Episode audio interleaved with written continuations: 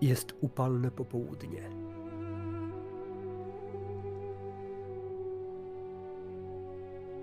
Nie ma nawet najmniejszego poruszenia wiatru, które dawałoby choć chwilę chłody.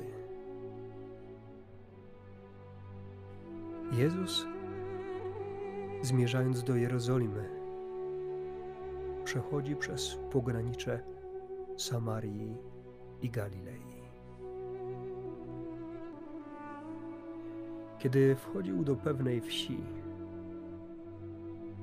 weszło mu naprzeciw dziesięciu trędowatych. Zatrzymali się z daleka i głośno zawołali: Jezusie, mistrzu, ulituj się nade nami.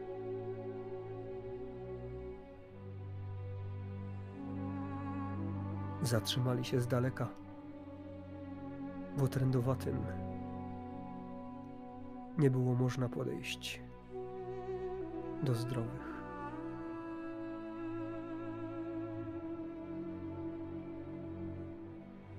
Wyobraź sobie teraz, że jesteś jednym z nich.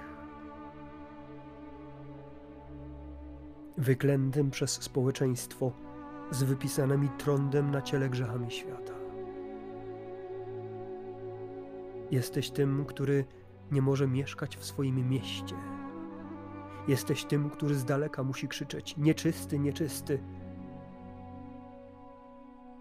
aby inni ludzie mieli pewność i bezpieczeństwo spowodowane Twoją nieobecnością.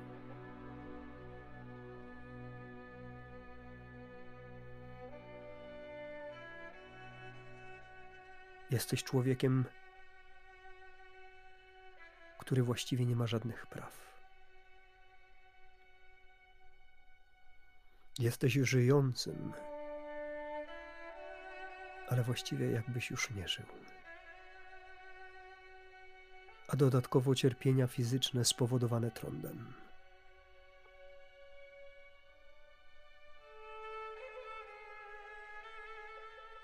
Właściwie to beznadziejna sytuacja.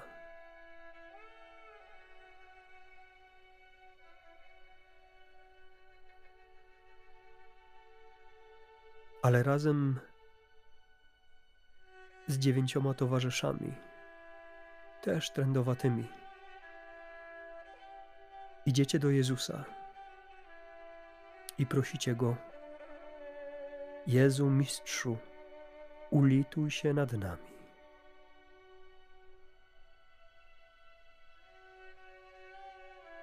Niesamowite jest to, że nie wołasz wraz z Twoimi towarzyszami, Mistrzu, uzdrów nas, ale ulituj się nad nami. Jakbyś doskonale wiedział, że Jezus wie lepiej, co jest dla Ciebie dobre, co jest dla Ciebie lepsze. Nie wyznaczasz Jezusowi konkretnej prośby, konkretnego zadania, ale prosisz Go, jakby stwarzając pewną przestrzeń do działania. Ulituj się nade mną. Na ten widok Jezus mówi: Idźcie pokażcie się kapłanom. A wy, idąc, zostaliście oczyszczeni. Właśnie w drodze, nie od razu na słowa Jezusa. Jezus powiedział tylko, abyś poszedł wraz ze swoimi towarzyszami pokazać się kapłanom. A w drodze zostaliście oczyszczeni. Nagle doświadczyłeś cudu, który był spowodowany słowem Jezusa, ale który budował na Twoim osobistym zaufaniu, że Jezus wie lepiej, co należy zrobić. i na tym, że skoro Jezus powiedział: idź, pokaż się kapłanom, to tak po prostu należy zrobić, mimo że w tym momencie byłeś jeszcze przecież trędowaty.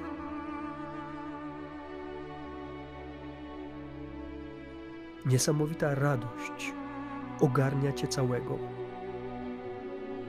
W tym momencie jedyne, co jesteś w stanie zrobić, to zatrzymać się i wrócić do Jezusa, aby mu podziękować. Nie możesz mu nie podziękować za to, jak wielkiej łaski doświadczyłeś. Ty, jeden spośród dziesięciu, Samarytanin, ten, z którym właściwie Jezus jako Żyd nie powinien w ogóle rozmawiać. A jednak bez uprzedzeń ze strony Jezusa w stosunku do Ciebie i bez Twoich uprzedzeń w stosunku do Jezusa. Jedynie wielkie zaufanie. Kiedy przyszedłeś z powrotem, na szczęście Jezus był jeszcze w wiosce. Siedział w zacienionym miejscu i odpoczywał. Upadasz mu do nóg i dziękujesz. Teraz już możesz podejść całkiem blisko, jako zdrowy, jako oczyszczony, uwolniony od trądu Możesz nawet dotknąć jego stóp. A Jezus, patrząc na ciebie, po chwili podnosi głowę, rozglądając się, pyta: Czyż nie dziesięciu zostało oczyszczonych? Gdzie jest dziewięciu? Czy się nie znalazł nikt, kto by wrócił i oddał chwałę Bogu tylko ty, cudzoziemiec?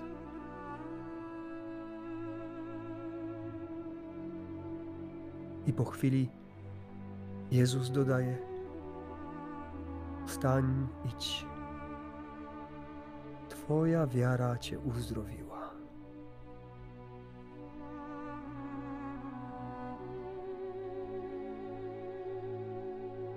Twoja wiara Cię uzdrowiła. A co jest składową tej Twojej wiary? Co mówi o tym ta dzisiejsza sytuacja? Najpierw jest cierpienie i trudne doświadczenie.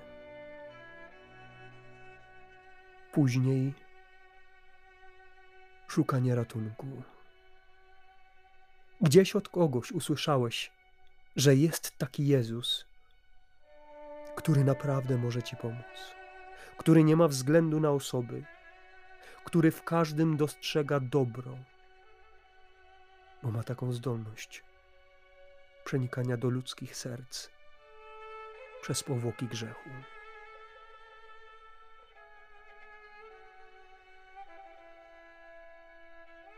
Przychodzisz do Jezusa i prosisz tak szczerze, jak potrafisz. Ulituj się nade mną.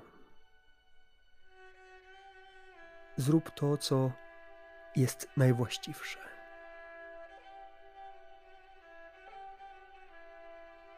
I rzeczywiście Jezus przejmuje inicjatywę. Ale jakby wytyczne Jezusa nie są takie oczywiste. Nie są takie proste, bo wymagają sporej dawki zaufania. Bo przecież Jezus powiedział ci, że masz iść pokazać się kapłanom, a w momencie, kiedy to mówił, byłeś jeszcze trędowaty. W takim stanie, idąc do kapłanów, narażałeś się na to, że zostaniesz wyśmiany i wypędzony po raz kolejny a to strasznie trudne i bolesne doświadczenie. ale powodowany jakimś głębokim wewnętrznym głosem, idziesz, jakby pewny, że to się jednak stanie. I rzeczywiście stało się. W drodze zostałeś uzdrowiony. Zatem jest trudna sytuacja, jest prośba kierowana do Jezusa, jest zaufanie, jest cud uzdrowienia.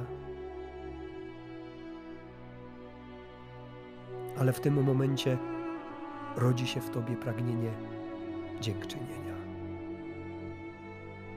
Wracasz z powrotem, aby Jezusowi podziękować. I właściwie chyba ten element był elementem sprawczym i utrwalającym cały cud i doświadczenie Jezusa w Twoim życiu. Jakby to dziękczynienie było dopełnieniem całości.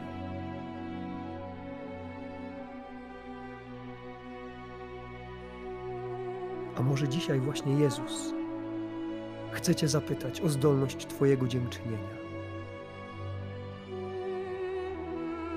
Może dziś chcę Cię zapytać, czy w Twojej modlitwie potrafisz dziękować? Czy Twoja modlitwa ma formę dziękczynienia, czy raczej w przeważającej większości skupia się na modlitwie prośby? Może nie dziękowałeś, bo nigdy o nic nie prosiłeś. A może nie próbowałeś znaleźć w Twoim życiu czegoś, za co mógłbyś podziękować? Choćby za słuch. Przecież możesz teraz słuchać. Jeśli nauczysz się dostrzegać najdrobniejsze rzeczy, zawsze będziesz miał powody do radości i dziękczynienia.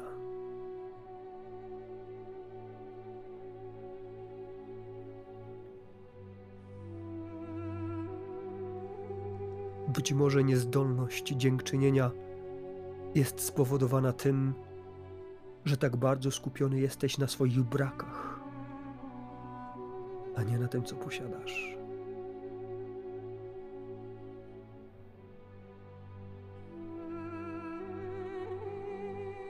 Dzisiaj Jezus pokazuje Ci, że w pełni możesz Go doświadczyć dopiero wtedy,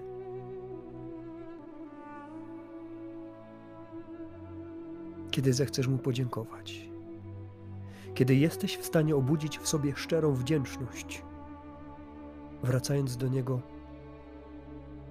upadając do stóp i mówiąc: Panie Jezu, bardzo Ci dziękuję.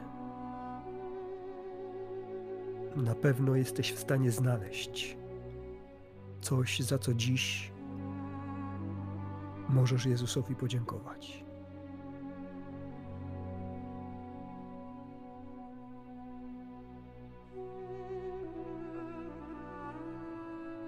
Wracasz już do siebie. Tak szczęśliwy, tak wdzięczny, tak zdrowy, bez najmniejszego śladu trądu na ciele i na duszy.